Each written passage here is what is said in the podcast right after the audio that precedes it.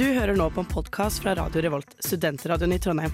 Du kan sjekke ut flere av våre programmer på radiorevolt.no, eller der du finner podkast. God lytting!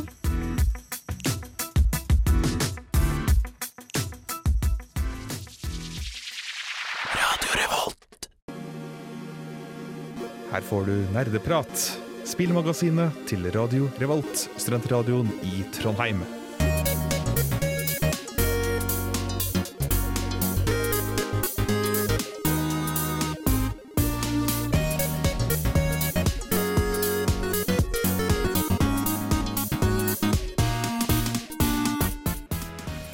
Hei og hallo og hjertelig velkommen tilbake til en ny episode med Nerdeprat. Vi er tilbake i studio, og vi snakker om cons. Fordi vi har nemlig vært på Torukon. Vi har lyst til å snakke litt om det, og vi har lyst til å snakke litt om con-kultur generelt.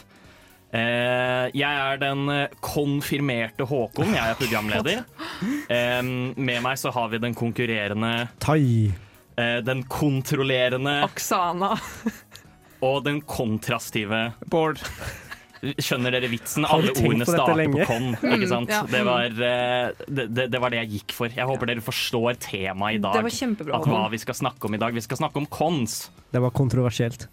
Wow. Det var ikke Det var kon. Pokkeren, jeg bomma. Jeg beklager. Beklager. Det var nesten. Nesten. Um, vi kjører i gang med en liten låt. Vi skal eh, selvsagt før vi starter ha litt siden sist. Vi skal ha litt nerdenytt og slikt.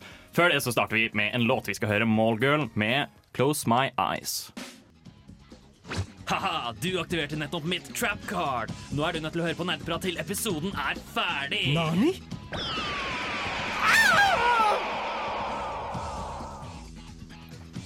Vi starter med en innsjekksrunde, og jeg har gjerne lyst til å starte umiddelbart fordi jeg har noen litt gøye ting å si.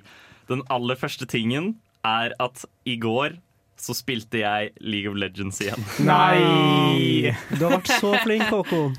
um, og, uh, fordi jeg har lyst til å fortelle om det, og det var rett og slett at jeg og en kompis vi logget på League, og vi var sånn Udyr har kommet ut. Ja, La oss se om vi kan få spilt han i game-moden Ultimate Spellbook. Okay. Som bare er at du får en annen karakters ultimate som summoner-spill.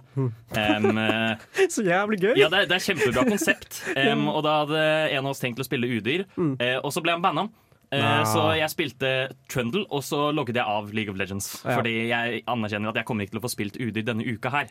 Men hva om du spi bare spiller modusen ofte nok til at du får Udyr, UD sin ultimate på den karakteren? Ja, men udyr har ingen ultimate. oh, ja, Det er hele poenget Det, det er hans. et problem. Ja.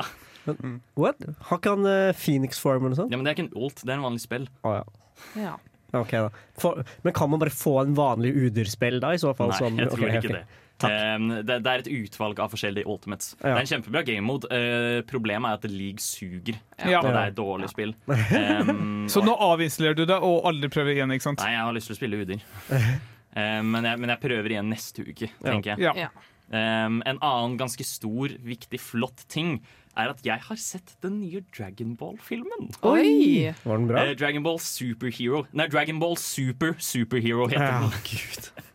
Og den var overraskende bra. Um, jeg, jeg hadde ikke trodd at jeg skulle like den så godt. Okay. Um, og den hadde på en måte litt sånn Av en eller annen grunn så prøvde de å gå for 3D-animasjoner denne gangen. Ah, det er sikkert nei. fordi det er litt billigere um, å produsere. Og det, når Dragon Ball har gjort 3D-animasjoner tidligere, har ikke det sett så bra ut. Men Mm.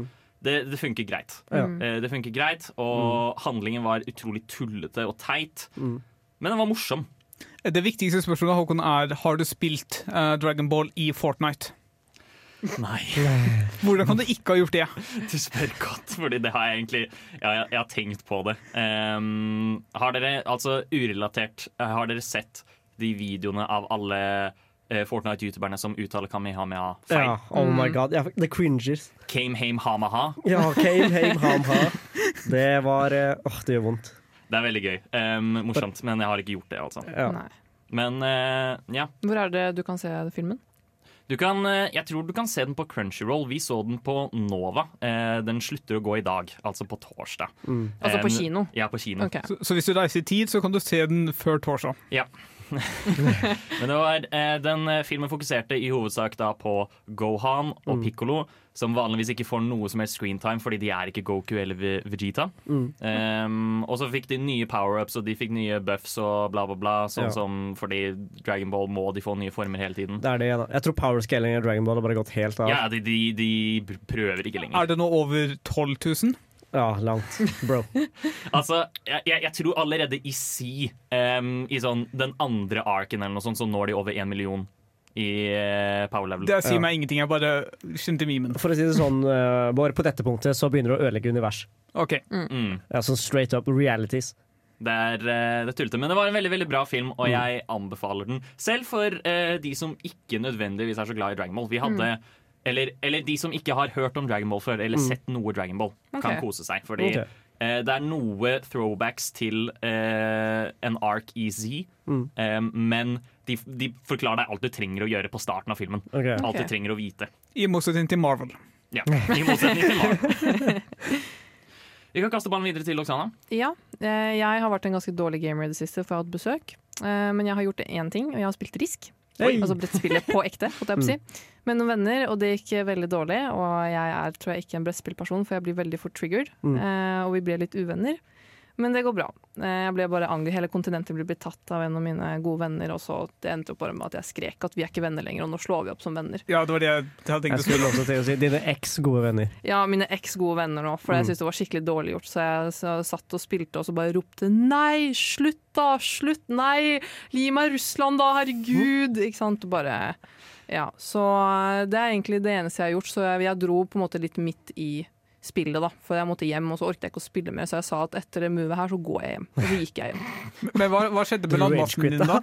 Eh, hele, for jeg hadde hele det østlige kontinentet, og det ble tatt. Eh, og så var det ett land, eller jeg hadde et par land i Amerika, og han klarte akkurat ikke å ta det siste landet mitt i Amerika, så da hadde jeg sånn derre eh, kort da med tre sånne kanoner, så jeg kunne ha masse flere tropper på, på brettet, og da bare pøste jeg på og tok hele Amerika tilbake, og litt av Sør-Amerika. Og så dro du. Og så dro jeg. Mm. Så vi etablerte at han som var snillest, han vant, da. Ja. Han som var snillest vant, faktisk. Ja, for jeg var sånn Han som jeg liker best i det rommet, han får vinne. For jeg må legge meg i hvert fall Gratulerer til han sint. som kanskje fortsatt er din venn. Ja. Ja. Mm. Vi fortsetter hva vi har gjort siden sist, og vi skal spørre Tai, hva har du gjort siden sist? Uh, siden sist så har jeg spilt mer sjakk. ja. Har, har du gått opp i rangering? Nei. Har du, Du har du gått ned? spille, Ja, Nei. jeg har dessverre det. men, du samme turte å ta steget til å spille Elo igjen. Nei, jeg spiller på en annen ladder nå, men fortsatt samme det. En annen eh, historie okay. for en annen ting. Ja. Jeg har spilt noe annet enn sjakk. Ja. Ja. Cult of the Lamb? Eh, nei, jeg har ikke hatt tid. Men jeg har spilt eh, brettspill, jeg også. Okay. Eh, vi spilte Codenames, som var et veldig gøy spill. Det er sånn, jeg vet ikke om jeg skal kalle det social deduction. Jo Hva, går det, hva går det ut på igjen? Um, du har masse sånne du får, det, er to, det er to som skal være sånn spy masters, så skal den andre være uh, spice. Og så er det Det er sånn brett med masse forskjellige ord på brettet, og så skal du, så skal du bruke du skal, Som spy master skal du si ett ord som, um, som har med flere av ordene å gjøre da, på brettet. Så skal du sånn spy gjette hvilket ord det er. da Egentlig så er det bare spillet hvor godt kjenner du de du spiller på lag med. Eh, ja, sånn halvveis. Oh. Ja, Så det går an å ta interne greier. ja så klart. Og så må du skjønne hva mener personen med dette her. Ville de brukt Mm. ordet på dette her eller på det her? Ja. Liksom, hvis du har en sykkel og hjul ikke sant, som to ting, så kan du ta uh, sirkler. Ikke sant? Da vet du at to ordene har med sirkel å gjøre, for eksempel som et hjul og sykkel. Ikke sant? Og det er hele spillet. Men så er det kanskje også en jordklode på brettet Ja. som, Som er sånn der, det, og det er en dobbelagent, så hvis du velger jordklode, så taper du. Så det er veldig, det er veldig mye sånn eh, Det er strategisk spill. Veldig gøy. Um, og så spilte vi også Settlers of Catan. Um, jeg tapte miserabelt. Men det jeg fikk til, var at jeg fikk den personen jeg likte minst på bordet, til å også tape. Okay. Og det teller jeg som en seier i min bok. Klarte å ødelegge noe vennskap, du også? Ja, definitivt. Vi, jeg og Riple snakka ikke på to uker, men eh, vi er venner igjen nå. OK. Likte minst. Er sånn, jeg, vil- jeg vil kaste det tilbake til um, Husker du da du kalte meg barnslig fordi jeg saboterte deg da vi spilte Mario Party? Du er like patetisk. Hei. Vi, vi suger her i Nerdeprat, Ja. men en person som ikke suger, Bård, Eh, du, det er litt slemt gjort, fordi jeg har eh, så vidt spilt litt Resident Evil siden sist, men ikke egentlig kommet så langt. Nei. Eller ikke hatt tid til å forsøke. Men er det fordi det er vanskelig, eller fordi det er kjedelig? Uh, Det er ikke fordi det er kjedelig, definitivt. Uh, Det er fordi det er litt vanskelig, og du er litt usikker på hvordan du skal gå fram. Fordi for eksempel, jeg klarte å komme meg forbi det fienden jeg sloss mot sist, og fant en medaljong og kom meg liksom videre fra det stedet jeg var tidligere. Så da har jeg til et nytt sted, og så da merket jeg ok, her er det en boss. Og det er liksom Jeg begynte å skjønne litt sånn OK, her kan jeg kanskje bekjempe han, men det er liksom sånn OK. Jeg fikk ikke tid til å plukke opp spillet, men selv når jeg finner tid til å plukke opp spillet, så må jeg liksom prøve å finne ut Ok, har jeg nok ammunisjon til å gjøre det. Må jeg gå, gå rundt og lete etter ammunisjon først for å konfrontere han? Mm. Uh, og så er jeg faktisk god nok til å sikte til å faktisk klare å drepe han. Uh, Hvilket Resident Evil-spill er dette? Dette er to. Resident Evil 2 Ok. remaken. Ja. Um, det er bare pro tip. Det ligger gjerne ressurser i boss-arenaen. Ja, jeg, jeg, har fått med meg det, men det, det er også når du, han jager deg rundt, så er det litt ikke nødvendigvis tid til å plukke opp alt mulig. Også et annet tips. Kniven er fuckings ødelagt. Den er altfor bra.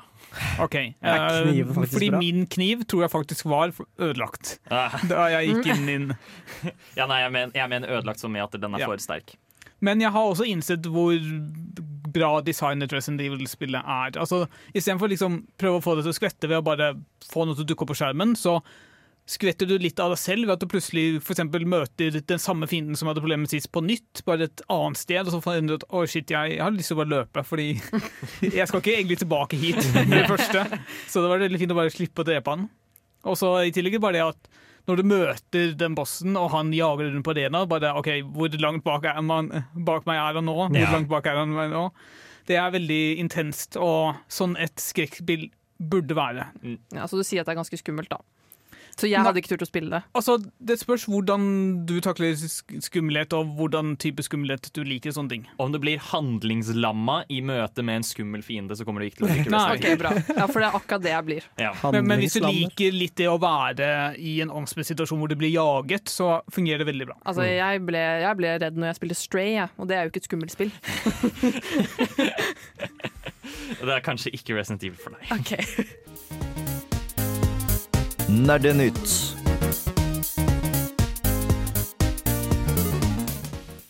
Vi skal ta noen kjappe lynnyheter her på Nerdeprat. Det har skjedd lite grann. Kommet noen annonseringer.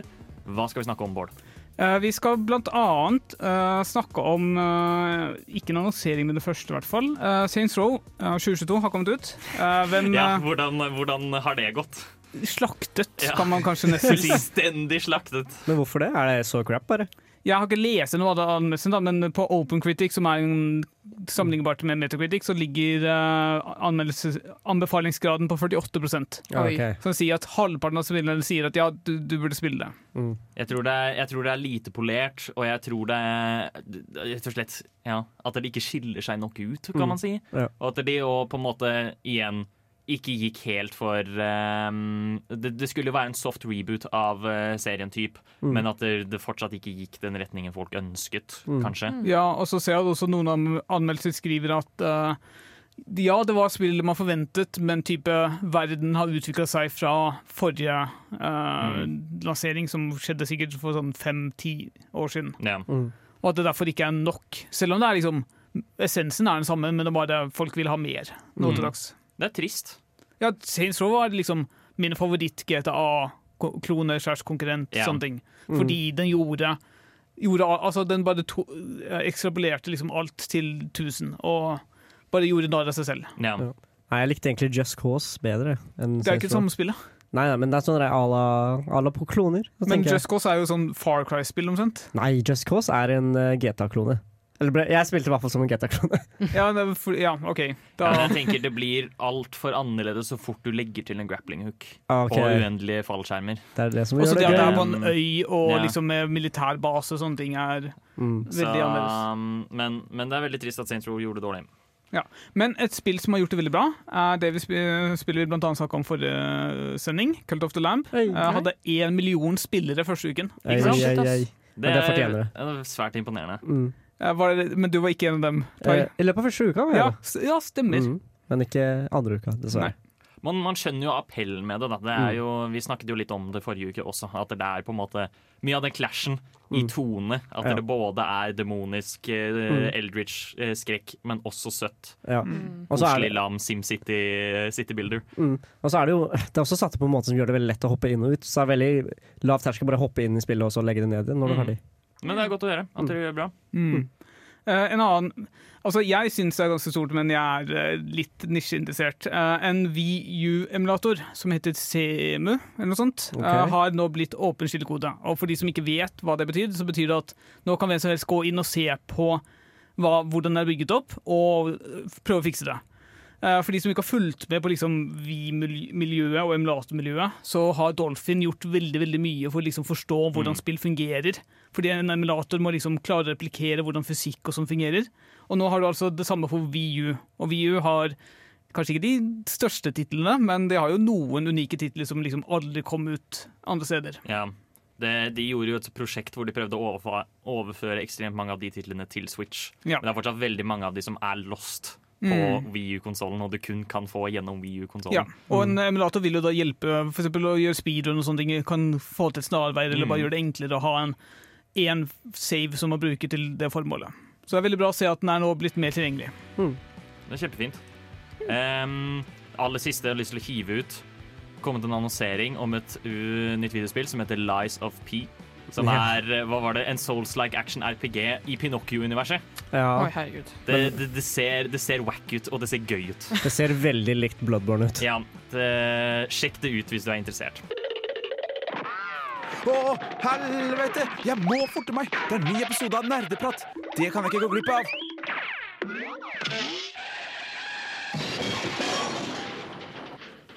Vi skal starte på temadelen vår. Vi skal snakke om cons, eh, eller conventions, Conventions. som det også kalles. Hva er en såkalt convention? Er det noen som har lyst til å Ja, altså jeg ville definert en convention som en samling eh, av folk med en viss eh, type interesse. Eh, hvor de samles på et samlepunkt og eh, både henger eller bare håper å si, har et, altså en convention med et tema, da, gjerne. Eh, Karoline brukte vel ordet festival, faktisk, Ja. som jeg vil si er ganske passende. Altså, det er ikke kanskje de store festivalene sånn som Øy og sånne ting, men det er liksom en litt mindre arrangement som skjer da hvor folk er der og møtes for, Mm. fordi de har en felles interesse. Ja, og con kan jo være veldig mangt. Det finnes jo både som vi var altså på Torucon, som er liksom et mer cosplay convention. Det finnes også porn convention. Det finnes, eh, det finnes alt mulig convention. Men altså, der brukes jo også veldig arbeidslivet, liksom. Mm. Altså det at du har messer som du drar på. eh, enten for liksom bare for å se hva er det nyeste innenfor bransjen, men også for å bare prate om fagterminologi og sånne ting. Mm.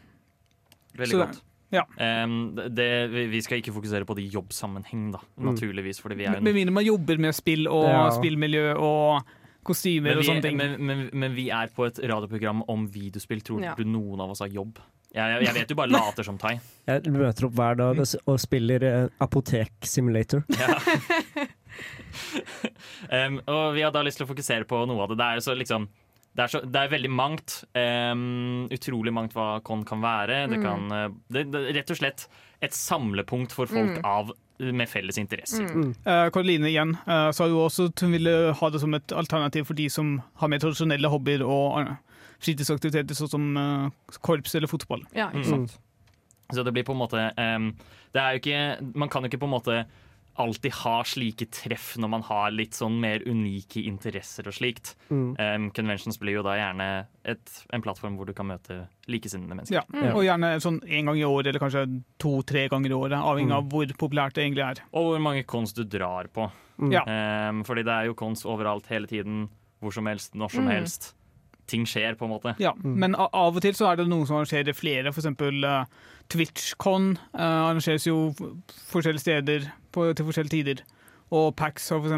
en på vestkysten av USA og en på Mm. østkysten av USA. Mm. Mm. Ikke sant. Um, håper jeg, vil jo si at for de som på en måte lurer mer, da, for de, fle de fleste har vel kanskje hørt om Comic-Con. Mm. Ja. Det er på en måte veldig godt hvis jeg skal forklare det. For jeg syns også det er kjempevanskelig å forklare hva et con er med sånne gode, presise ja, fordi hva gjør man egentlig på et For man, con? man, bare, man henger jo bare ikke sant? Der, og liksom deltar på ulike aktiviteter. Men hvis du eksempel har hørt om Comic-Con, så er det typ, kom, ja, det er typ det. Ja. Eh, Comic-Con er jo veldig kjent for å ha Eller veldig mange ting blir annonsert på Comic-Con. Mm. Altså, du har paneler med serieskapere eller filmskapere Mm. tilknyttet en eller annen tegneserie, da gjerne. Marvel, Mm. for eksempel. Og da kommer de ut med informasjon som kanskje ikke tidligere var kjent, fordi de får spørsmål om det, eller fordi de har lyst til å liksom skape blest rundt Ja. det nye som kommer. Ja. Mm. Og typisk på cons er jo liksom panel, quizer, konkurranser, shows. ehm, Stands. stands, altså det kommer masse folk eh, altså på å si, Ikke store butikker, men en privatperson som lager ting selv, og som er på en måte relevant til temaet til conet. Mm. Mm. Og bare, ja, eventuell merch, Ja, alt av masse slags mulige ting. Det er på en måte em, Hvis du har en interesse og du drar på denne konen, så vil du på en måte bli tilbudt masse skitt som appellerer til denne Ja. spesifikke interessen. Ja. Um, og derav er det veldig bra. Em, vi skal snakke om uh, Denne sendingen skal vi snakke om litt ulike cons. Vi skal snakke litt om kulturen rundt det. Og så skal vi selvsagt snakke om Torukon, som vi har vært på. Så kan vi ha en liten first hand experience om hvordan det er å være på et con. Ja, faen, du hører så jævlig på nerdeprat. Altså, det er gamet, så det prates, og det nerdes. Og det er litt! Særlig i dag så nerdes det, fordi det er altså snakk om conventions og cons. Um, vi har allerede etablert uh, at det finnes så mange forskjellige typer cons. Uh, vi nevnte noen av de, de mer populære, kanskje Comic-Con, lignende. Hva, hva annet finnes det? Eh, jeg kan i hvert fall snakke på vegne av Norge, i hvert fall. Fordi i Norge har man faktisk ganske mange cons. Eh, som du nevnte, Turcon, som er i Trondheim, som er jo ganske stort. Mm. Tidligere så har man hatt Desucon i Oslo, som var veldig stort på sin tid før det håper jeg, sluttet å arrangeres. Men sånn som jeg skjønte, sånn på Turcon så så vi jo eh, ulike håper si, con-grupper eller arrangører som kom på scenen og promoterte sitt con. Mm. Og det var helt ufattelig mange. Herregud, det Altså, hvi- hvis du, altså det finnes i Altså- jeg visste ikke at Norge hadde så mange forskjellige conventions. Ikke heller, altså. og det er liksom også så mange som på en måte er ja, Teit, om jeg får lov til å si det. Ja, men flere av dem var også større enn forventa. Ja. Jeg forventa Ja, at det skulle være sånn knøttsmå lokale ting. Men nei, de inviterer jo folk fra hele landet, og det er store ting. Mm, og det var mye engasjement også. Sånn folk, Hvor mange er det som kommer? Så jubler hele salen. Ikke sant? At folk Mm. er faktisk veldig Ja. å reise liksom, fra Mm. Bodø til Porsgrunn for å delta på Banzaicon. Liksom. Ja. Altså, det er liksom altså, så, cos, altså, Cosplay og convention-kultur i Norge er mye større enn det man skulle forvente. Mm. Eh, flere har kanskje hørt om Spillexpo Spillekspo. De har Mm. også Spillekspo cosplay. Som har mer fokus på cosplay. Ja, sant det. Mm, det det nevnte de også. Mm. Eh, du hadde også Jeg kommer bare ikke på eh, navnet på dette konnet Vi skal prøve å finne ut av det, men det var en gruppe, eller noen konarrangører som sa de arrangerte på danskebåten. Ja, DFDS, som kjører til um, København eller Hirtshals eller noe sånt. Ja, uansett at de hadde et kon på danskebåten. Ja. Ah, hallo, liksom. Som skulle arrangeres neste år. Eller noe Men det var veldig vanskelig å finne ut hva det het. Nei, for vi kommer akkurat ikke på det. Men eh, uansett, så jeg kan bare liste opp et par andre. Vi har også Magikon, vi har eh, Kawaii-kon, vi har Kazuko-kon.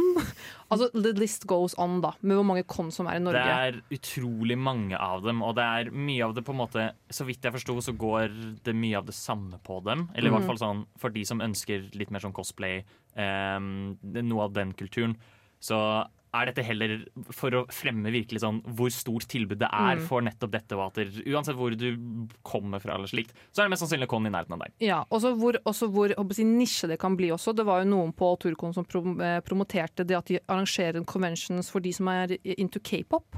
Ja. For eksempel i Trondheim. At det finnes en egen gruppe i Trondheim som digger k-pop og har et con, et k-pop-con, jeg husker ikke hva de kalte det. Mm. Men ikke sant, at det finnes på en måte, de kan virkelig spisse det inn kjempe, kjempemye. Eh, jeg var på et con da jeg var kjempeliten som het Nomcom i Sarpsborg, av alle steder. Og da var temaet Adventure Time. Et eget Con for Adventure Time. Ja, og det var sykt koselig, liksom. var det Det stort? jo-? Nei, det var bitte lite. Ja, okay. Men det er også sånn, det, sånne ting gir nesten mening for meg, fordi i hvert fall Adventure Time og k-pop begge to da, em, har enormt store fandoms. Mm. Um, og det gir da mening at du også lager en liten en, en nisje. I hvert fall sånn, Hvis du tar en Norge-skala, Mm. så blir jo det nisje. Fordi det er jo ikke så mange folk i Norge, på en måte. Mm. Em, men det, det er fortsatt et tilbud til disse folka. Ja. Mm. Og så eh, håper jeg på de litt større konstene, slik som jeg har forstått det, så har man gjerne også et tema da, til hvert con som er liksom ulikt fra år til år. Sånn som Vi lærte jo at på Turcon så har de hatt Game of Thrones-tema, de har hatt Naruto-tema. I år hadde de tiårsjubileumstema. Celebration. Ja, ikke sant? Mhm. At eh, på en måte hvert år da, så bytter litt på, sånn at på en måte man kan fokusere kanskje på én type fandom, da, så man kanskje blir litt mer motivert da, til Mhm. å cosplaye, da, hvis man har Altså Hvis man, man har Game of Thrones-tema, sikkert når den siste sesongen av Game of Thrones var ferdig, ikke sant? Mm. at det skulle være litt big. Men jeg tror som regel så har de mer veldig generiske tematyper. Jeg vet at Ja, ja. Casacon for neste år er Vacation, som Mm. bare er Ja, liksom ja, ferietema, liksom. Mm. Det er jo ja, men det er kjekt, fordi da får man på en måte um, I hvert fall f- hvis man skal kle seg ut, så får man et målretta ting. Ja, og så er det litt fri for tolkning. Det er ikke Ja. type, det må være Game of Thrones, det er bare være noe som er halvveis relatert Det til kan, dette. kanskje det til og med kan være liksom Jeg vet ikke, Doomslayer, men med en hawaiiskjorte over drakta Altså. Ja, ikke sant? Så er jo det liksom eh, Da er det vacation, det òg. Røper du Mm. nettopp ditt kostyme for uh, Jeg skulle ønske jeg var så flink til å lage ting, fordi jeg, Mm. det hadde, eh, men, jeg, men, det, men det skal jeg ikke si. Mm. Det, jeg, har, jeg har noen triks oppi ermet. Eh, og det vi også kan nevne om kons cons i Norge og cons generelt, er at kons cons er på helt jeg å si, generell basis en, altså, frivi, altså frivillig. Folk som Mm. driver det, gjør det frivillig, altså uten noe penger. De, gjør det bare, altså, de tjener akkurat nok penger til å kunne drive det. Mm. Eh, og liksom at de som Vi så jo mange av de som var med på å arrangere Turcon, og det er jo helt sinnssykt mange, og mange som har vært med liksom i ti år. Og dette Mm. er liksom Altså de, de brenner virkelig for å lage sånne cons hvor folk kan møtes, og, og de gjør en skikkelig god jobb, liksom. Så det er jævlig gøy å møte folk som brenner for noe. Mm. Liksom. Ja. Og det her, er, det her er veldig gode folk som har samla seg. og Liksom, de har skapt et veldig godt miljø, og hele miljøet brenner så hardt for det de, gjør, for det de driver med. Mm. Så det er liksom et veldig godt sted for å få seg venner som ja, jeg vil påstå er ganske gode folk. da. Mm. Eh, og det som også er fint med KONS, er at du kan faktisk dra alene. Fordi du kommer til å finne noen å henge med Mm. uansett, Mm. på en Det- måte. Du, du, du går liksom med Altså um, Karoline sa jo også dette veldig bra, det er at du går med fandomen din på, på Mm. deg. Um, og alle er så trivelige, alle er der liksom for samme grunn. På en Mm. måte, Det er å liksom se alle andre og sitt, en- deres engasjement.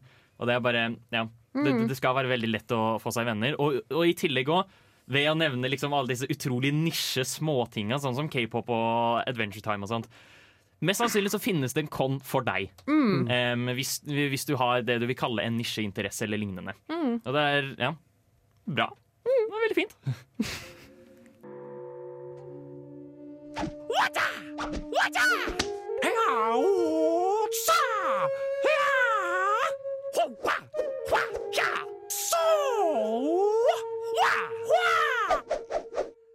Nerdeprat. Vi er tilbake. Vi skal snakke om cosplay-kultur og fandomkultur. Det er jo i stor grad det som på en måte preger konst, da, om man kan si det. I hvert fall den type konst vi snakker om nå. Um, nettopp det med å kle seg ut som en uh, Hva skal man kalle det, fiktiv karakter? Mm. Det er jo i hovedsak ja, fiktive Mm. karakterer. Og så um, ja, bare går man rundt og så hilser på, på andre. Ja. Vi vi så vel noen ikke-fiktive karakterer også. Så Gjorde vi? Ja, noen andre la merke til det, og Ja. jeg husker ikke hvem det var, eller hvem som la merke til det. Nei, men det er jo type for folk som bare var kledd ut som en soldat fra andre verdenskrig. Mm. Som ikke nødvendigvis var fra liksom Altså andre verdenskrig, fandom, liksom. En, hvis du skjønner. Men bare fordi de syns uniformen er kul, liksom. Oh, Eh, Nazicore. Å, gud! Nazicore. Men, men jeg tror noen var utkledd som liksom en YouTube-person eller noe sånt.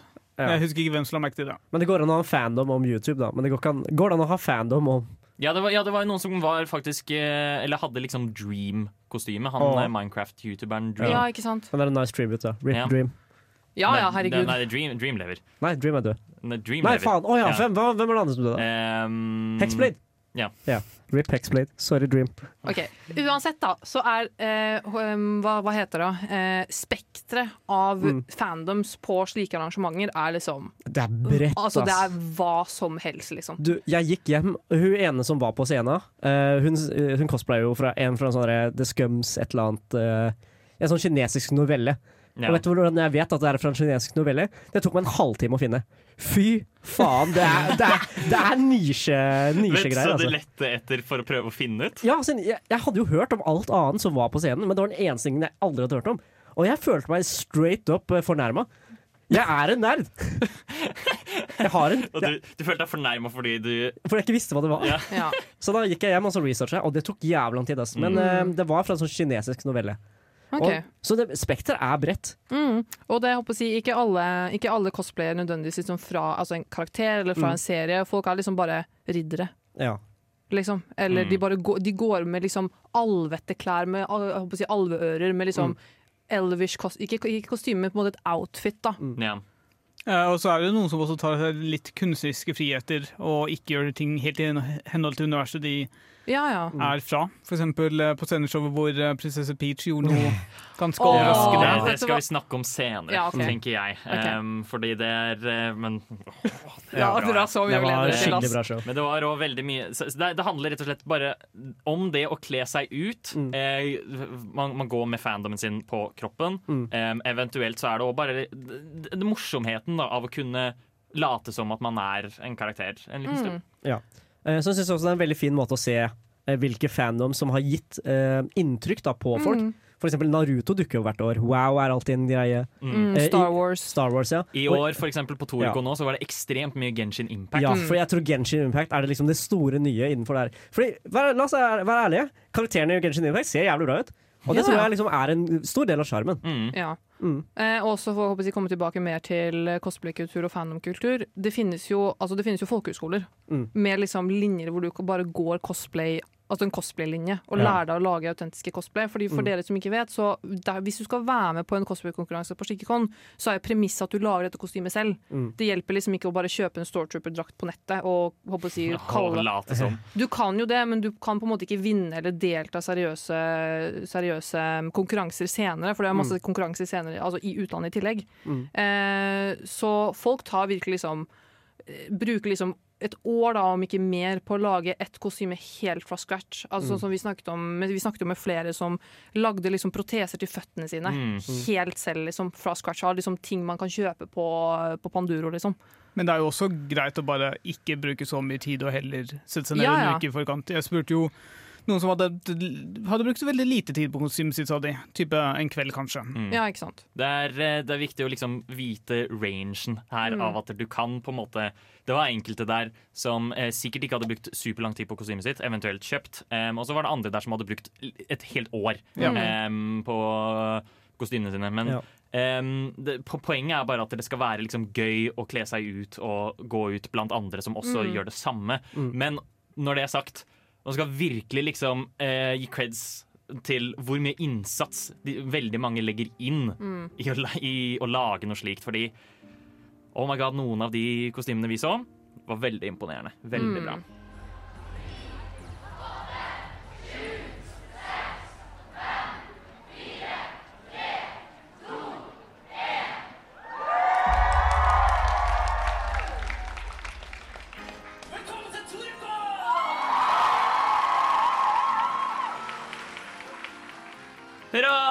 Velkommen til Torukon! Det klippet du hørte der, var rett og slett fra eh, åpningsshowet på Torukon. Vi var der. Vi var og så på, og vi var der og ja, Ja. opplevde. Opplevde rett og slett alt. Og Håkon var sånn der eh, secret journalist guy i hjørnet Ja. med Ja. opptakeren. Da, da, da, da, satt, da, da satt jeg i hjørnet med mikrofonen, var klar til å ta opp en- enhver lyd som kom ut av munnen til Aslak. um, og det var eh, Ja, nå har vi vært på Nå har vi vært på convention, festivalen. Hva syns vi? Det var gøy. Ja, altså, jeg, håper så- som jeg klarer ikke å si noe engang, for jeg er litt målløs. Eh, for det var sykt bra. Men det, det var bare så sykt å se hvor casually folk bare gikk med dritgode cosplays. Det var noen helt ekstreme kostymer der også. Ja. Men det, det er sånn der, ok, Du har liksom de som skal på scenen, du forventer at de skal være bra. Men bare sånn der, helt sånn veldig sånn alminnelig cosplay i et hjørne som ikke har sagt et ord. Det er bare sånn, faen, det var jo dritbra. Mm. Eh, en av de første personene jeg la merke til, som er liksom, ok, det er dritkult kostyme, han ser vi sikkert på scenen, han dukka opp på scenen fordi han var dommer. Ja, okay. Så selv dommerne kler seg sånn skikkelig bra. De, de, de også gikk jo helt uh, Ja, helt ut med det. Hvem Mm. var det? Det var Geralt of Rivia. Ja, Han hadde gjort et kjempegodt uh, og gjennomført kostyme hvor han var uh, Geralt. da Altså, Dere skulle bare ha sett oss når vi håper alle var på plass på Torukon, og alle var sånn Se der, se der, se der, der er det er Geralt, du må intervjue han, gå etter. Og han forsvant fra oss hele tiden, og ingen av oss turte å approache ham. Vi ble så han var så slippery. Ja. Han var aldri innenfor Altså Hver eneste gang vi var sånn OK, nå har vi sjansen. Så, så, så går han til noen. Kanskje han var opptatt med noe. ikke sant? Og det er sånn derre- Altså, vi ble det Pikachu-mimet. Når han gikk forbi, og det var sånn Der er han! Og så går vi liksom bare Nei, tør ikke likevel. For det var liksom, var liksom så godt gjennomført. og Han så skikkelig ut som ekte Geralt. da, på si. Det var, eh, ja, det det var kjempeimponerende. Og da var vi sånn Ja, han hadde lyst til å snakke med, så viste det seg at han var dommeren, da. Men uansett så håper jeg å si litt sånn strukturert eh, hvordan eh, Torukon var i år. Altså Det var en stor sal med masse stands og liksom litt opplegg. Og så hadde du en, et stort rom med en scene. Så hadde du flere rom med eh, håper å si, eh, butikker da, eller folk som solgte en del merch. Og så hadde du andre rom, da, som kjølerom. Du hadde et spillerom der Jotunheim Nesport hadde PC-er. Du hadde Mario Kart-turnering, du hadde Smash-turnering, du hadde Pokémon-turnering. Eh, og sånne små, mindre rom da, hvor det var quiz og sånne diverse Mm. paneler eller på en måte sånn mindre arrangementer da, inni liksom Turcon. Det skjedde ting hele tiden. Det var til og med et større panel som handlet om spillutvikling, som vi dessverre ikke fikk med oss. Fordi én, det var tidlig. To, eh, det var så mye på programmet at vi bare Det, det, det drukna, rett og slett. Ja. Fordi det var så mye vi hadde lyst til å se, det var så mye vi hadde lyst til å gjøre. Um, utrolig tettpakka liksom, med ting å gjøre og stands og se på og alt. Og jeg synes også at vi var, vi var jo på en anime-quiz. Å, fy faen. Fy faen, så vanskelig det var! Helvete, Altså, altså! jeg og Tai gikk inn med jævlig mye confidence. Altså, vi sånn, vi, så sikre, vi sa til Karoline vi skal naile denne anime-quizen. Jeg og Tai vi gikk sånn i midten, for vi skjønte at nå må vi gå og gjøre andre Ja. ting for å lage litt, eh, håper å si, lage litt eh, innhold til nerdeprat, fordi vi feiler så hardt på den Det er bare så lenge du kan sitte og bli grusa av Karoline i anime før du bare for går i, i skam ut av rommet. Altså. Men Jeg det- kunne ett spørsmål, så jeg er fornøyd.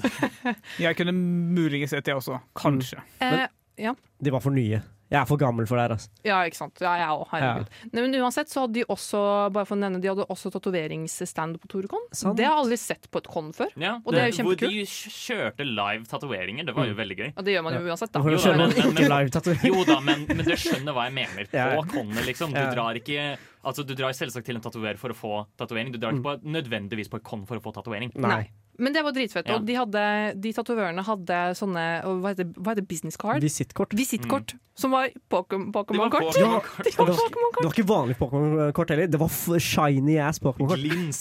Bræ, det var så kult, ass. Ja. Jeg hadde så lyst til å ta en, men jeg var sånn «Eh, jeg kan ikke bare ta et sånt så fint kort. Jeg kan, jeg kan også snakke om eh, veldig kjapt om Mario Kart-turneringen, for jeg deltok. Akkurat sånn som jeg sa jeg skulle. Det var ikke det jeg forventet. Um, det var en eh, time trial-modus.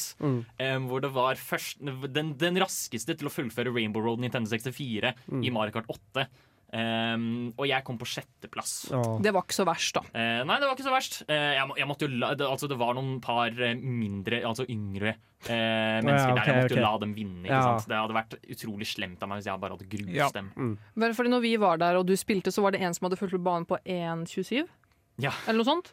Og jeg, vet du hva, jeg vedder hele livet mitt på at denne personen er sånn en 13 år gammel gutt som bare er jævlig god i Mario Kart. Ja, ja. Det var eh, Som gruser Håkon any time of the week. Hva var liksom. tida di, Håkon? Den var sånn 1.32 eller noe sånt. Så det, det er bare noen par sekunder imellom, men de sekundene har jo mye å si, da. Mm. Um, det, var, eh, det var vilt. Det skjedde masse andre ting òg. Fikk det noen inntrykk? Vi skal snakke om de tinga. Først av alt så skal vi også snakke om eh, det store cosplay-showet. Etter vi har hørt Flokkdyr med Det du gjør. Fy faen. Fy faen. Yumi, ass. Hva, hva faen er det som Å, fy! Å, å fy faen! Åh! Jeg hater dette drittspillet! Tihi, hør på nerdeprat. Mjau. Vi er tilbake. Nå skal vi snakke om sceneshowet som var. Fordi em, i anledning av at det var cosplay og utkledninger og alt det der, så var det altså to konkurranser. En i craftsmanship, som handlet om detaljer som ble lagt inn i kostymet, og liksom hvor godt designet det var, hvor eh, kreative de var i gjennomføringen av cosplayet. Og så hadde du cosplay-konkurranse, som da var eh, det i tillegg til et såkalt sceneshow, hvor de på en måte skal fremstille seg selv som denne karakteren. Em, og ja ha en, ha en sceneopptreden. Ja. Jeg har eh, laget en liten samling av noen av disse sceneopptredenene, så vi skal høre et klipp nå om hvordan det var.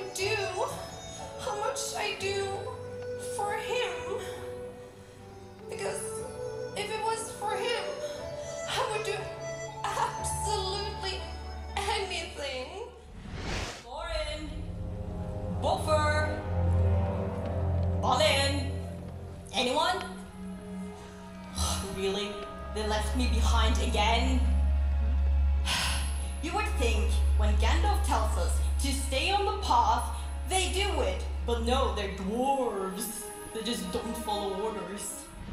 Look at those stats. Luckily, I have my trusty thirst zapper.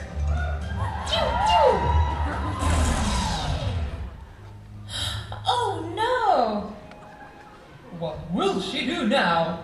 Is this the end for Nuka Cola Girl? Find out in the next episode of The Adventures of Nuka Cola Girl.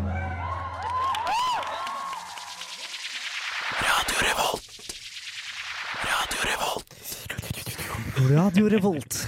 Um, der fikk vi altså en liten compilation av noen av sceneopptredenene um, til s- Som var eh, under cosplay-konkurransen. Mm, deltakerne i konkurransen. Ja, Da var det noen av disse som deltok i Cosplay Classic, som er mer casual Mm. enn, og Cosplay Masters, som hvis de vant, kunne gå videre til finalen. Mm. En av disse em, som var i klippet, var jo da også den som vant, Mm. em, som da var eh, Cosplay Bilbo. Yep. Em, utrolig gjennomført kostyme. Vi skal Mm. høre intervju fra henne straks. Noe av de Altså, dette mener jeg som et stort kompliment. Det var noen av de mest ekle føttene jeg har sett i mitt Ja, liv. hun, hun hadde nailet de Å, karakteristiske ekle drittføttene. Ja, De var Ja, så surrealistiske ut. Ja, men det var det jeg også nevnte i sted, og de hadde hun jo laget helt selv. Mm. Um, og um, også så har jeg gjerne lyst til å Fordi vi nevnte Princess Peach i stad. Oh, um, fordi her òg hadde de liksom superbra uh, reveal. Da. Liksom, Noen av de gjo- gjorde ekstremt kreative friheter med selve showet. Mm. Hvor enkelte kanskje um, gjorde liksom en hjertefull sceneopptreden. Andre spilte på humor. Mm. Twisten der var jo at Princess Peach hele tiden egentlig var Luigi. Ja. så, ta, så da, jeg husker ikke hvilken låt det var. Mm. Um, hun sang noe sånt som liksom, 'Når jeg ser i speilet, så Mm. Hva er det jeg ser?' type ting. Og så tar Mm. hun av seg parykken og tar på seg en Luigi-hatt. Og så var det også veldig gjennomført av at bakgrunnslyset var først peach sin farge, og så endret det sakte, men sikkert til grønn. Mm. Og det var bare veldig nice liten Mm. touch. Og så var det, um, Vi skal også høre intervju med henne senere, Mm. men um, det var også en som var da Nuka Cola Girl. Um, og gjorde liksom en liten sånn klassisk, uh, nesten sånn futuristisk sitcom-aktig reklamefilm for, som Mm. sitt sceneshow. Ekstremt godt gjennomført. og utrolig imponerende. Uh, nå skal vi høre et klipp fra um, uh, Vi skal høre et intervjuklipp med personen som vant Cosplay Masters-konkurransen, nemlig Bilbo. Uh, hvem er du, Jeg heter Marte Karlsen Moseby. og hva har du valgt å cosplaye som i dag? Eh, Jeg cosplayer Bilbo Baggins fra Hobbiten. Du var jo også med på eh, cosplay-konkurransen nå. Hvordan syns du det gikk? Personlig syns jeg det gikk veldig bra. Eh, Alt på scenen gikk bra, og prejudge gikk ganske bra, så vi får se. Du har laget kostymet selv? Ja, alt er håndlaget. Alt av stoff, metall, eh, proteser. Alt er laget selv. Hvordan, eh, hvordan gikk du frem? Jeg ser også føttene, som er de ekle, karakteristiske hobbitføttene. Det er veldig imponerende. Hvordan har du fått det til? Eh, De var egentlig superlette å lage. Eh, Det var eh, foam clay, strikker, lateks og stretchy-stoff. Og bare sette det sammen. Det tok meg en dag å lage i eh, lengde, da. Hvorfor har du egentlig valgt spesifikt Bilbo? Eh, Jeg valgte Bilbo fordi han er basically meg. Eh, Jeg har veldig mye lik likheter både utseendemessig og personlighetsmessig.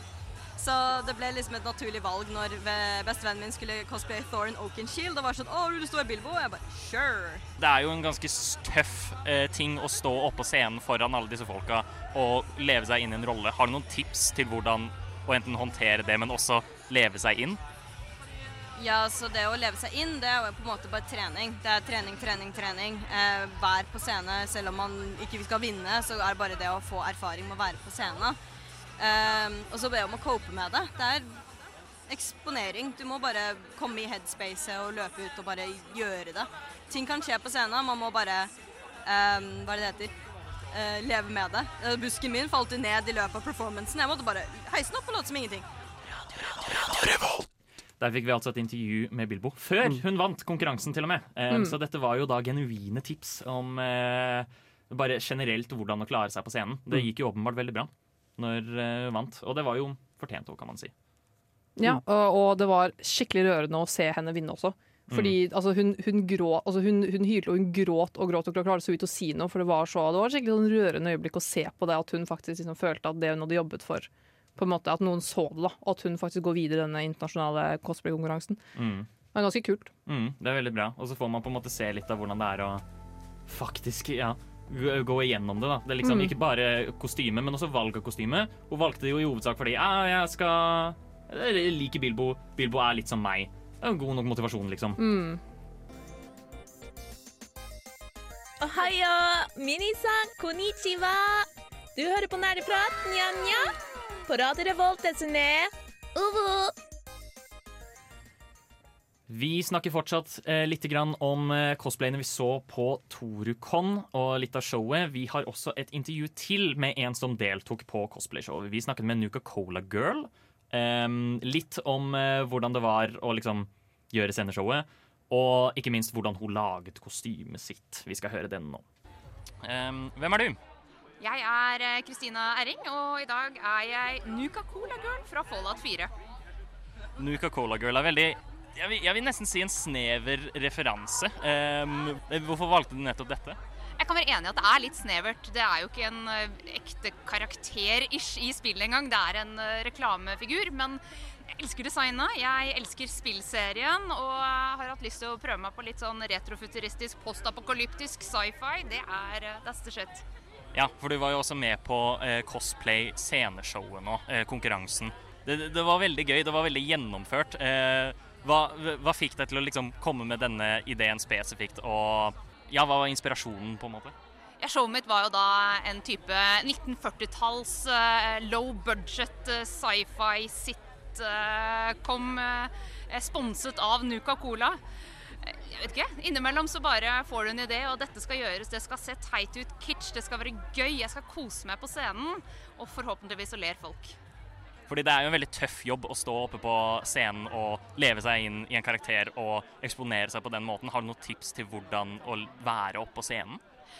Det beste tipset er vel egentlig eh, pugg det du skal gjøre. Har du playback, så spill den en hundre ganger. Så når du kommer på scenen, får du blackout, så går armer og bein av seg selv. Da slipper du i det minste å være redd for at du skal glemme hva du skal gjøre, hvis du kan det helt utenat. Hvor, eh, hvor lang tid tok det, cirka? Og hvor, hvor, hvordan har du gått, gått inn for å lage det? Her var eh, hjelmen, som eh, er en ser ut som en fiskebolle, glasskuppel, retro astronauthjelm. Det, klarte jeg den, så skulle jeg klare resten. Så der begynte vi. Og da jeg fant ut at jeg kunne kjøpe en lampeskjerm til utelykter, gatelykter, og i akryl, da var omtrent halve jobben gjort. Og så gikk vi videre derfra. Har du en eh, sosial medie folk kan finne deg på? Ja, jeg er hovedsakelig på Instagram, hvor jeg er krigsdesign. Staves med C-H-R-I-X. Supert. Tusen takk. Der fikk vi høre fra Nuka Cola Girl. Um, utrolig kreativt Mm. eh, måte å håndtere um, kostymet sitt på med denne glasskuppelen eller Mm. lampeskjermen, eller hva man skal si. Um, også em, ja, nettopp det at dere Jeg syns det er veldig gøy at noen liksom finner på at dere, ah, jeg skal, det her er det bare liksom en figur du ser på noen plakater Mm. i Mm. Nuka World DLC-en til Fallout 4. Eh, og så har hun gått liksom så hardt inn på det. Mm. Eh, gjort så mye gøy på det sceneshowet sitt og Mm. alt det der. Kjempemorsomt. Og det sceneshowet, det var veldig godt gjennomtenkt. Ja. Det, det, var, det var liksom ikke noe, noe sånn shabby hun bare kom på på stedet. Det var et Mm. gjennomført sceneshow med bakgrunner og hele pakka. Det var, og lydeffekter. Mm. Liksom, Mm. det er veldig sånne småting som har vist at hun har brukt veldig mye tid på det. Mm. Og lagt mye innsats på Ja, jeg syns det var um, Gjerne også bare fremheve prikken over i-en på den, og det var at det liksom em, vi fikk på en måte se slutten av en episode Mm. til denne sitcomen, som også liksom gikk til en sponsor, Ja. eh, sponsoren av serien, som var Nuca-Cola. Mm. Og den var sånn ah, man, man, man smaker nesten ikke det radioaktive stoffet lenger. Akkurat sånn som kapitalistsamfunnet drit. Um, Oi. eh, prøver å lyve til oss, ikke sant. Mm -hmm. det, det, det, det, det var kjempegøy. Vi snakket også med et par andre cosplayere. Em, som ikke var med på sceneshowet, men som bare gikk, vi gikk litt rundt og snakket med dem. Um, vi skal nå høre med intervjuet med uh, Først, vi fant, møtte da en fyr som hadde kledd seg ut som Toadsworth fra Mario-serien. Og så var det en som gikk med liksom hva skal man si, itemsettet Rustningen. Ja, Hunter Tier 21 fra Wall of Warcraft. Vi skal høre de intervjuene nå. hva heter du? Uh, Jeg er Paul Marius. hvem har du valgt å cosplaye som i dag? Jeg cosplayer Toadsworth, som er fra Super Mario Sunshine, som er eh, faren til Peach i Super Mario. Er Toadsworth? Toadsworth, ja. Er han faren til Peach? Han er det. Altså, Toadsworth er en sopp, og Peach er en fersken. Eh, det er sikkert noen rotgrønnsaker som har gått litt feil her, men eh, Var det, var det vanskelig? Hva, hva gikk inn i arbeidet for å lage det? Nei, altså, jeg har jo holdt med cosplay siden 2009. eh, og jeg har jo vært frivillig for Torukon i mange år òg, så jeg har vært veldig integrert i miljøet. Så det var ikke så vanskelig å finne ut hvordan eh, man skulle gjøre det, egentlig. Det er jo egentlig bare å prøve å teste og sy og Ja, og jeg liker òg monoklene veldig godt. Takk. Jeg har lyst til å spørre deg, Har du lyst til å gjøre din beste Toadsworth-imitasjon for meg, om du får det til? Eller bare gi oss en liten presentasjon av karakteren? eh, Kan jeg også ta og si Hello! det er det jeg har lyst til å gjøre. Det er det jeg har lyst til å være sånn la-la-la! Men Det er, det er bra. Men egentlig så det mer sånn derre No, Mario, be careful not to touch that stuff. Kjempekjedelig. Det er veldig, veldig bra. Skal vi se, hvem er du? Jeg er eh, meg eller karakteren? Eh, navnet ditt. Navnet mitt jeg er Elene, også kjent som Erenerud. Og hva har du valgt å cosplaye i dag? Jeg er en hunter, tier 21 fra Vår. Du var jo også med på Craftsmanship-konkurransen. Og, og, og jeg må bare spørre da, liksom eh, du, Fordi du har laget kostyme selv, selvsagt. Eh, hvor lang tid tok dette? Um, jeg jobba med det i sånn én til to timer om dagen. Så jeg jobba i et år for å gjøre ferdig dette her. Det, det er helt sykt. Hvordan, hvordan har det gått fram i å lage det? Hvordan, hvor starter man i det hele tatt når man tar på seg et sånt prosjekt som det her? Vel, Man starter først og fremst med å finne karakteren, da. Og så begynner man å finne en del som man vil starte med. F.eks. bussplata. da. Så da driver man og lager et mønster. Eller kjøper et ferdiglaga et. Og så klipper man det ut. Og så bare tracer man det på foam, og så Der eh, fikk vi høre to intervjuer. Vi fikk først høre et intervju med Toadsworth. Eh, han var en kjempetrivelig kar. Ja. Um, Og muligens faren til Peach. muligens faren til Peach. Vet du hva, jeg, jeg, jeg, altså, han må jo ikke Jeg, jeg googla det! Han er ikke faren til Peach! Hvordan forventer du at dette skal gå over? Jeg vet ikke hvordan Faktisk hvordan en sopp sånn. ja, ja. Ja, ok, beklager. Ja, det, um, det var også veldig gøy å se Mm. han da, fordi han gikk rundt med liksom stokk Mm. og bøyd rygg og latet som at han Mm. var Toadsworth sånn Mm. ordentlig. Sånn sinna, eller sånn grumpy eh, sjefstoad, eller hva Ja. det var. Supermorsomt. Også liksom utrolig unik karakter å cosplaye. Jeg var ikke jeg holdt på å si, han som cosplaya ganske høy? Mm, jo. jo ikke, han var kjempehøy, Ja. og Toadworth er jo så liten. Ja, I Mm. størrelse, altså. Ikke i Ja, Vi- vi og i lengde, ja. En rettelse også. Vi snakket jo med en til som var med på Craftsmanship-konkurransen, nemlig hun som eh, var Hunter 1021. Mm. Og der òg var det sånn vi, ja, Det var utrolig godt gjennomført, og vi fikk jo høre litt om prosessen Mm. av hvordan Herregud. Så mye, så mye som går inn i eh, å lage noe slikt. Det er imponerende. Jeg elsker deg, nerdeprat, vi skal være sammen for alltid, hver torsdag på Radio Revolt. Noe annet vi også så masse av på Torucon, var forskjellige stands med forskjellige for eksempel foreninger som man kan finne rundt i Trondheim, eventuelt bare som solgte ting. Det var veldig mye gøy vi fant. Eh, blant disse så møtte vi også på eh, Trondheim Fantasiforening. Vi skal høre et intervju med de nå. Hvem er du? Kan du fortelle oss det? Mitt navn er eh, Hanne Øysteinsdotter Heisholt, eh, og jeg er jo da eh, styreleder for Trondheim Fantasiunion. Trondheim Fantasiunion, hva er det for noe? Kan du fortelle oss litt kortfattet om det? Ja, vi er jo da en gruppe som driver med living. Det er det norske navnet for live action roleplay, eller levende rollespill. Så vi kler oss gjerne ut i rustning og litt forskjellig kostyme. Putter på noen alvører i ny og ne, eller kanskje en orkemaske. Og så slåss vi. Med skumsverd. Slåss, ja. Det høres jo helt Alle, alle smågutters drøm, i hvert fall. Det er det, fordi du, du får lov til å leke som når du var liten og hadde sverd av pinner. Bare at isteden så får du faktisk sverd som ser ut som sverd. Og så er de ikke like vonde å bli truffet med som pinner. Jeg så også at dere eh, hadde faktisk litt fekting eh, her i stad. Eh, For en som aldri har fektet før i hele sitt liv, har dere noen nybegynnertips? Eh, for vår del så er det jo eh, altså, nybegynnertips og litt sikkerhet. I, vår, type kamp skal man ikke slå hverandre i huet. Det er ganske greit å unngå, for det er ubehagelig. Eh, men tipset er vel egentlig ha det gøy. og hør på de rådene som de mer erfarne har å gi. Eh, Er det kun sverd, eller får man bruke flere våpen òg? Og vi har ganske mange. Eh, sverd og eh, bue er hovedvåpnene vi bruker. Da er det buer med, med skumtipp, så eh, vi spiller, vi spiller kanonball med bueskyting. Veldig gøy. Det er kjempemorsomt. Yes. Eh, og så har vi i tillegg litt sånn hellebarder. Det er lange økser og litt eh, småøkser og kortsverd, langsverd. Litt sånn forskjellig. Hva er ditt foretrukne våpen?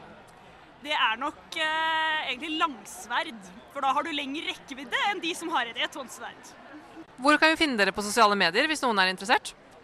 Uh, hvis man søker eh, opp uh, enten Trondheim Fantasiunion eller Fantasiunionen, så finner man oss uh, både på Facebook og Instagram. I tillegg så har vi en egen nettside, og det er da fantasiunion.wordpress.com. Eh, men eh, finner man, finner man én av stedene vi er, så finner man som regel de andre også. Der fikk vi høre eh, intervjuet vi hadde med Trondheim Fantasiunion, hvor de rett og slett Ja, de, det er type rollespill eh, hvor de ser tilbake på middelalderen og hva som gjorde det fett. Ja, så det er en live action-del til rollespillet, da. Som betyr vel at de, de gjenskaper det? Er det riktig måte å si det på? Ja, det er larping. Ja. Rett og slett. ok. De driver med larping. Og det var jo, jeg synes jo det var veldig gøy å høre på. Og det var jo også moro. Vi fikk jo se blant annet noen folk som drev og sverdfekta. Ja. Og eh, Bård og Håkon ble banket opp av de. Ja. du, du, du, jeg ble ikke banket opp. Jo, Jeg, dere ble pressa inn mot veggen og Jeg satt lo- ned på plass. Jeg lot dem vinne. ja, nettopp. Jeg, den dedikasjonen jeg var det er content. Aner du hva som, eh, hva som skal til for det? Eh, jeg syntes også kjempegøy. da. Altså, det var jo sånn jeg beskrev det. Det her er liksom alle gutters drøm. Eh, å løpe rundt i rustning og, og med sverd og bare slå Ja. folk. Det er min drøm, det òg. også. Ja. Men også, Kanskje en liten gutt i deg, du også? Nei. så er det også um, morsomt med hele um, bueskyting. At de spiller kanonball med Mm. buer. Det er veldig gøy. Eh, Det minner meg om veldig om de i statene som driver og gjenskaper borgerkriger og sånne ting. Jeg, jeg skjønner ikke helt på den delen. Eh, Når det er liksom fiktivt, så kan det være litt gøy, men når Mm. å gjenskape kriger er litt merkelig. Ja. Um, om du syntes dette høres gøy ut, så kan du sjekke dem ut på sosiale medier. De har tydeligvis ganske ofte arrangementer, da. Ja. Og det er veldig lett å bare hoppe inn. Vi skal høre eh, to intervju til. Først så skal vi høre intervju med eh, noen som selger potions. Deretter skal vi høre intervju eh, med Cosplay Against Cancer. Hvem er du, og hva holder dere på her, egentlig? Eh, jeg heter Ellie. Jeg driver en stand på Torocon akkurat nå. Der jeg selger noen potion baros. Og så holder vi på å stende litt prints og litt eh, sånn klistremerker og sånne ting. Er det, er det lov å spørre hva som er i potionene?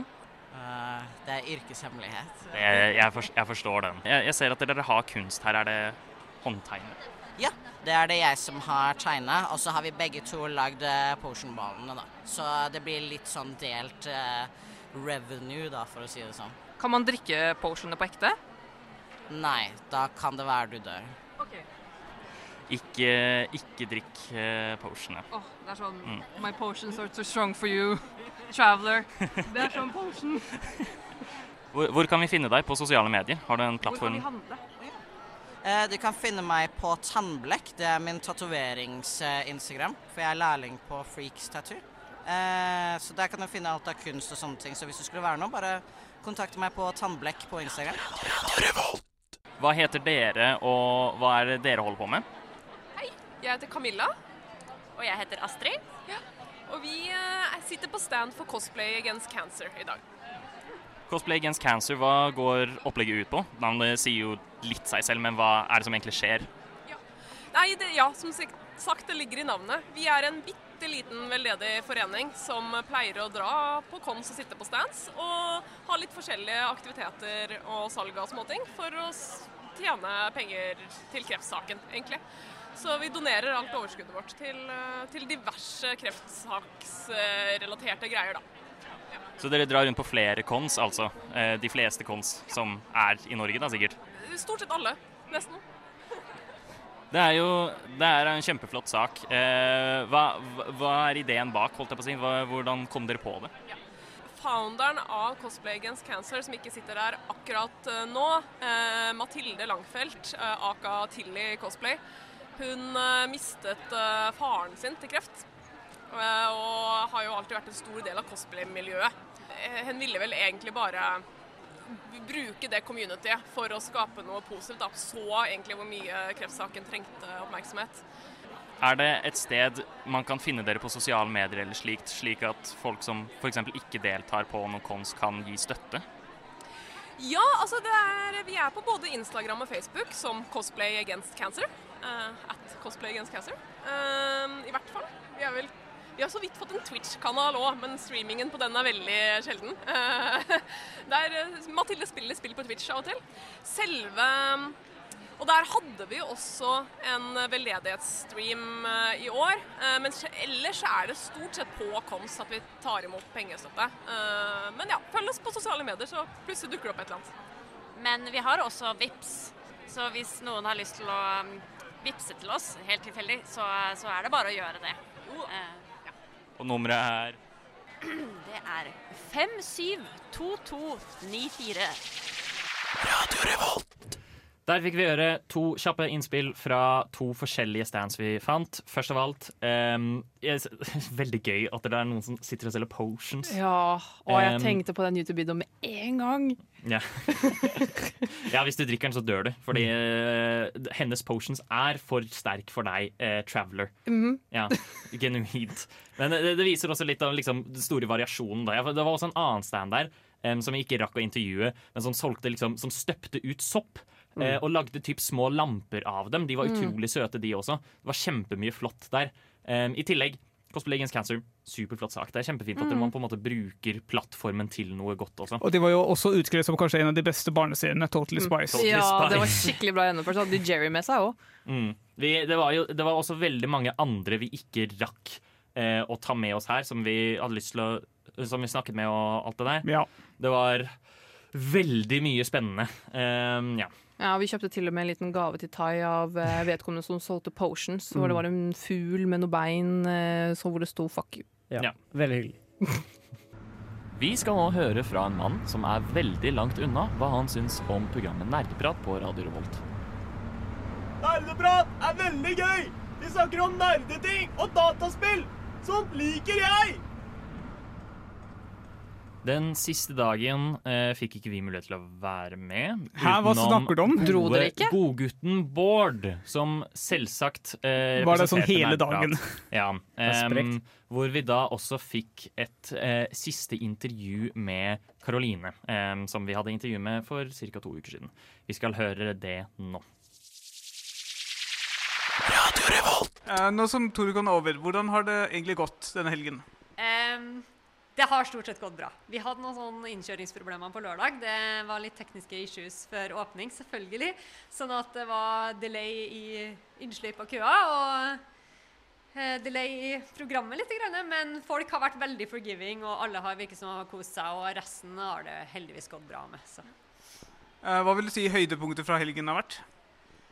Eh, for min del personlig, jeg tror egentlig for alle i crew, å bare være tilbake og se alle sammen og føle at vi, har, at vi er tilbake med folkene våre, så at vi har gitt dem noe de har venta masse på. Og så har det jo vært et veldig stort høydepunkt å selge ut alle helg helgepassene våre. For det har vi aldri gjort før. så vi er bare sånn!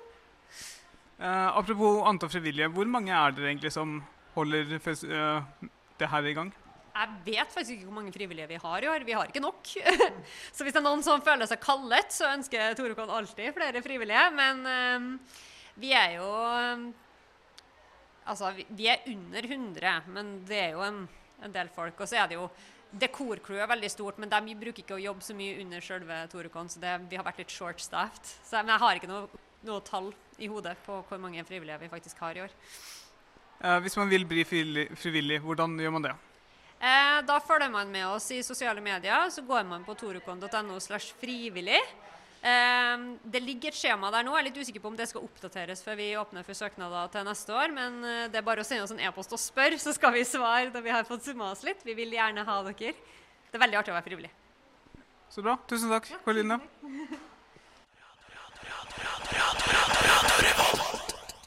Da fikk vi høre en siste gang fra Karoline om hvordan festivalen har gått. Det gikk jo bra, da. Det gjorde det. Kan man vel si. Hvordan var det der den siste dagen? Holdt jeg på å si? Det var veldig interessant. Jeg fikk vært med på Vanell Karoline Holt selv, om eh, et, et tema jeg ikke har noe som kjennskap til, som er liksom eh, kjærlighet mellom gutter. Eh, og hvordan det liksom er kulturen rundt det, da. Og hvordan den har utviklet seg. Ja, for å bare notere at Karoline skriver jo. Ja, eh, hun er forfatter. Hun er forfatter Ja. innenfor denne sjangeren. Det stemmer. Så det er for hun som har holdt panel om det. Ja. Ikke sant? Det gir jo mening. Mm. Vi fikk også høre litt om Det er jo veldig imponerende at de liksom klarte å selge det helt fullstendig ut. Da, de fikk det utsolgt og sånn. Mm. Men de trenger åpenbart eh, mer kraft, Ja. kan man si. Det er, eh, det er faktisk bare å slenge seg på hvis du også ønsker å være bidra til noe slikt, til et sånt miljø. Hvorfor ikke melde deg på Turkon? Kanskje, kanskje det er noe for deg? Ehm, også, og, og uansett så har det vært moro. Vi fikk også um, pratet lite grann med Aslak, eh, konferansieren, em, av selve showet. Eh, scenemannen, om man kan kalle det det. Og også en av de som starta Torekon. Også en av de som starta det. og Han snakket også om at han var, han var kjempefornøyd med liksom det store oppmøtet, at det var så mange folk der. em, og at de i framtiden ønsker å liksom kvalitetssikre Torukon. Ja. sånn at det skal bli det beste det kan være, på en måte. Og det er jo utrolig spennende å se. Vi gleder oss til det.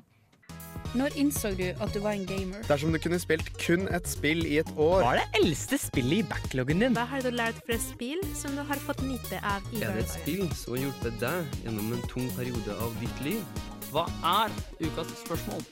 Hva er ukas spørsmål, Oksana? Ok, Ukas spørsmål er dersom du var invitert eh, som gjest til Turukon for å snakke om noe, typ på et panel eller ha noe på en scene, hva ville det ha vært?